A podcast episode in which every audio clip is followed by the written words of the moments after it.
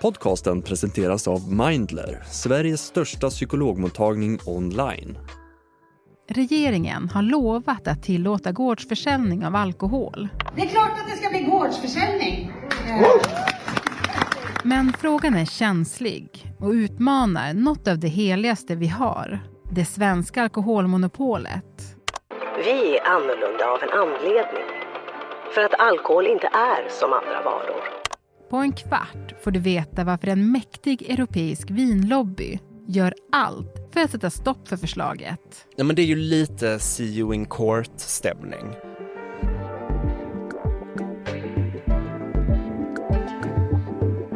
Det är den 20 december. Det här är Dagens Story från Svenska Dagbladet med mig, Alexandra Karlsson. Mm.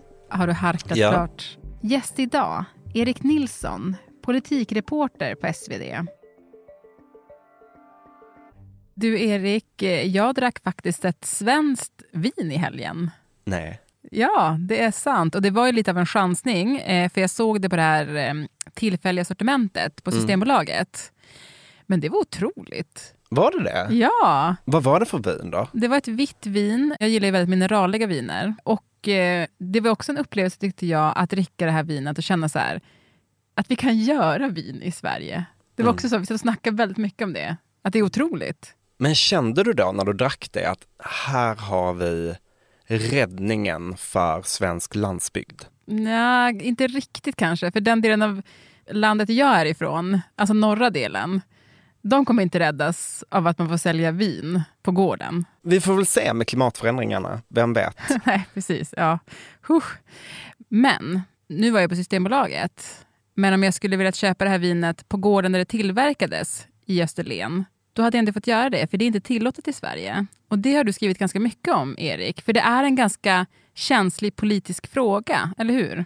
Precis, det är ju det som kallas för gårdsförsäljning av alkohol och som har pekats ut som en reform som ska stärka landsbygden och eh, lyfta de här vingårdarna som eh, blir allt fler nu mera. Mm. Och eh, det är en viktig fråga för regeringen då, förstår jag. Det är många som säger det ibland när jag pratar om det här med folk, att det, varför lägger de tid på det här? Det är krig i världen och vi har gängkriminalitet och, och allt vad det är. Va- Varför lägger de energi på att tillåta gårdsförsäljning av alkohol? Mm. Varför gör de det? Det är en ganska viktig fråga för regeringen, som ju är en borgerlig och liberal regering i grunden. De har ju fått ganska mycket internkritik för att inte lägga fram så många liberala reformer. Utan det har mer varit fokus på det här med brottsbekämpning, hårda tag, repression. Och då blir gårdsförsäljning en av få reformer som skulle vara en frihetsreform. Och många kan ju identifiera eller förstå tanken av att det skulle vara lite härligt att besöka en vingård och också få köpa med sig någon flaska hem. Precis, man skulle vara lite närmare den här europeiska identiteten i alla fall. Det är tanken. Tidöpartierna de vill ju tillåta gårdsförsäljning och som jag förstår det så finns det en färdig utredning. Vad föreslår den? Den här frågan har ju levt i cykler sedan för alltid. Man har utrett det här flera gånger och eh, kommit fram till flera gånger att det går inte riktigt att genomföra det. Vi kan återkomma till det sen. Men det som den här utredningen föreslår, den togs fram eh, under förra mandatperioden, eh, under januarisamarbetet, är en begränsad form av gårdsförsäljning. Du ska inte kunna åka till en vingård och köpa med dig liksom stora eh, pallar med vinflaskor. Det, det kommer inte hända, utan det rör sig om en ganska begränsad form. Det är under specifika tider på dygnet som du ska få göra det här. Du får bara köpa med dig max fyra flaskor vin och du måste göra det i samband med ett betalt studiebesök eller en föreläsning om den aktuella drycken. Nu pratar vi om vin och i utredningen så handlar det också om andra alkoholhaltiga drycker som cider och öl. Men det är liksom en begränsad form av gårdsförsäljning som är på tapeten. Mm. Och en som verkligen vill se att det här händer snabbt, det är vice statsminister Ebba Busch. Nu är valrörelsen över, så nu har vi ändrat oss. Det blir inget. Nej då, det är klart att det ska bli gårdsförsäljning. Eh. Ja. ja. men det här sa hon på en scen för snart ett år sedan, mm. strax efter att hon hade tagit plats i regeringen. Det var ett event som anordnades av Visita, en branschorganisation för besöksnäringen som lobbar stenhårt för att det här ska bli verklighet, det här med gårdsförsäljning.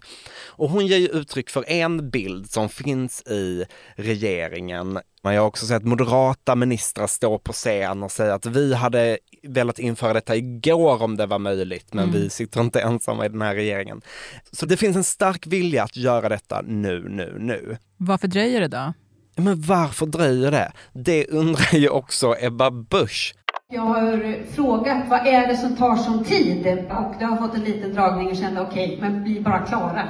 Det som är den stora knäckfrågan är huruvida gårdsförsäljning är möjligt att införa i Sverige och samtidigt ha kvar vårt alkoholmonopol.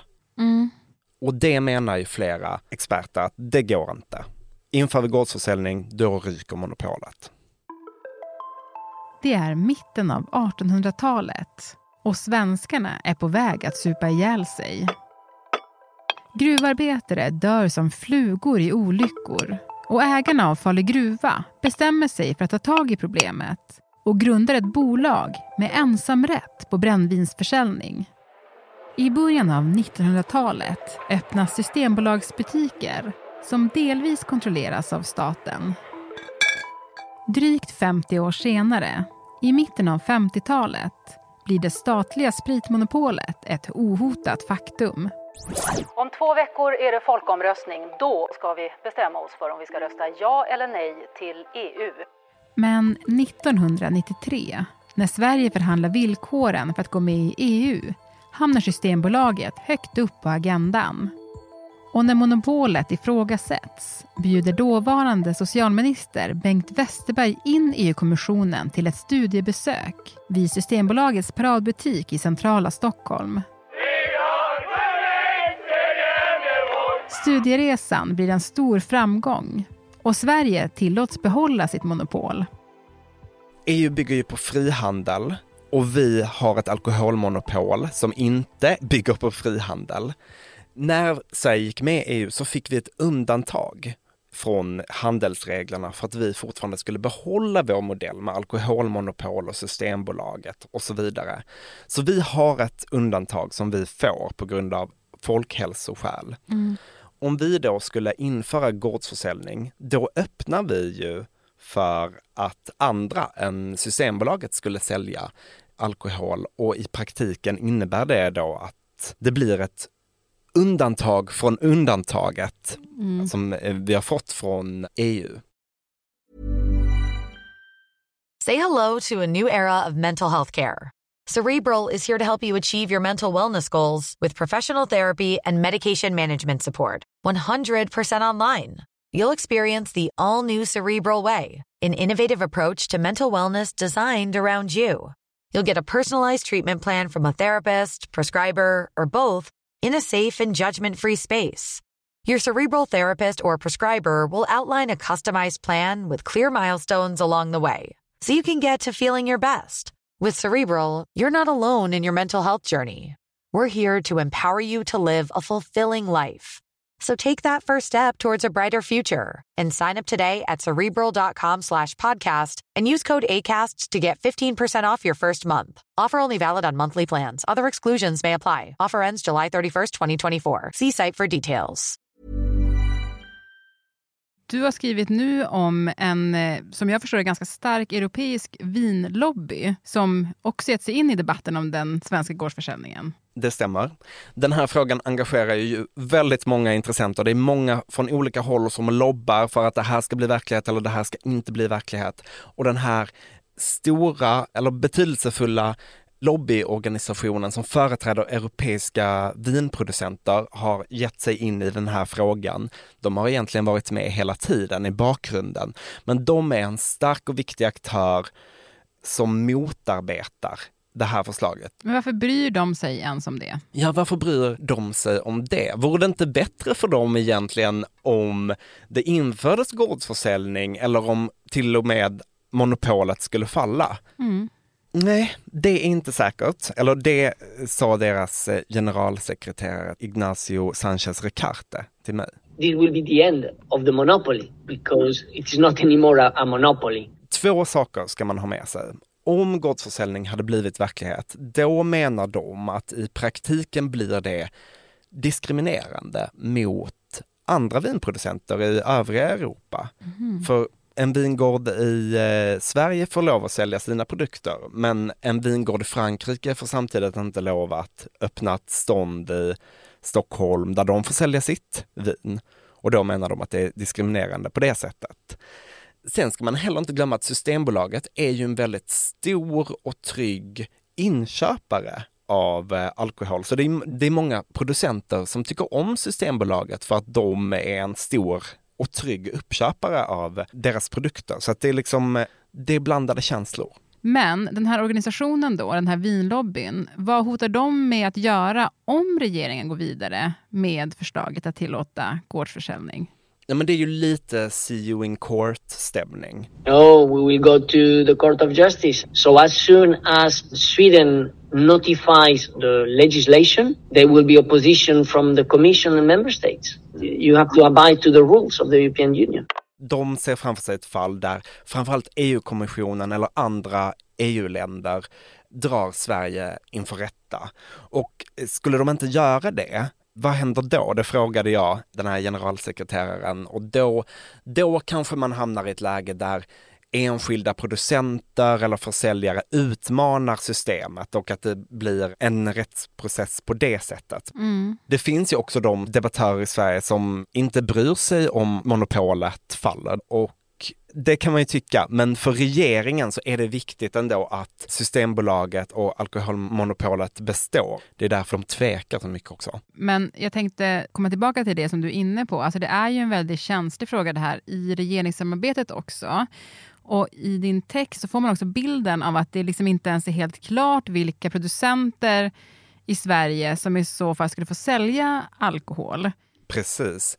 Det som eh, är föreslaget nu, det som finns på regeringens bord, är redan en begränsad form av gårdsförsäljning. Och det som eh, jag nu har fått höra från Liberalernas talesperson Jakob Olofsgård är att regeringen skissar på en ännu mer försiktig modell. Vi får se hur många flaskor man får köpa Mm. helt enkelt och vi- vilka öppettider som gäller och framförallt vilka producenter som ska få sälja. Han sa ju till mig att de här mikrobryggerierna i stan, Mm. de kanske inte är så aktuella utan det är företrädesvis de eh, vingårdar och producenter som finns på landsbygden där man från ax till limpa eller druva till vinflaska Mm. producerar produkterna.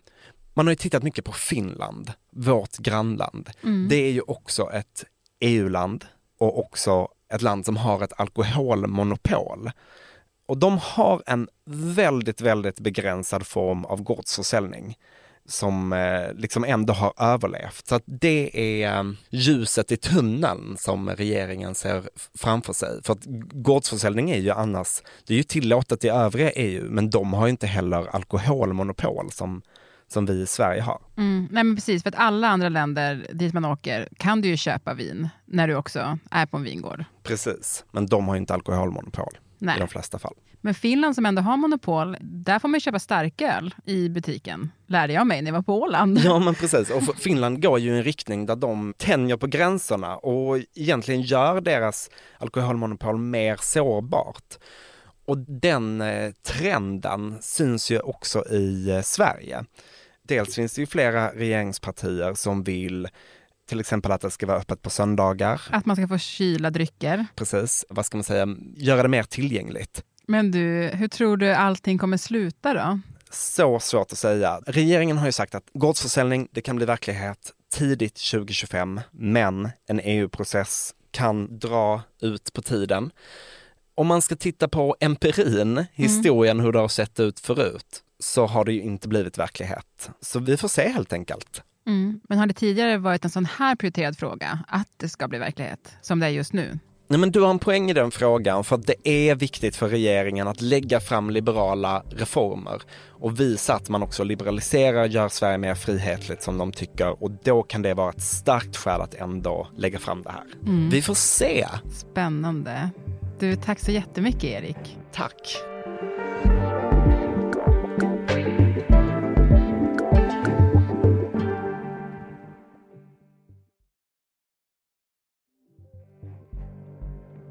Producent idag var Stina Fischer, redaktör Maria Jelmini. Och om ni vill kontakta oss så mejla till dagensstory.svd.se.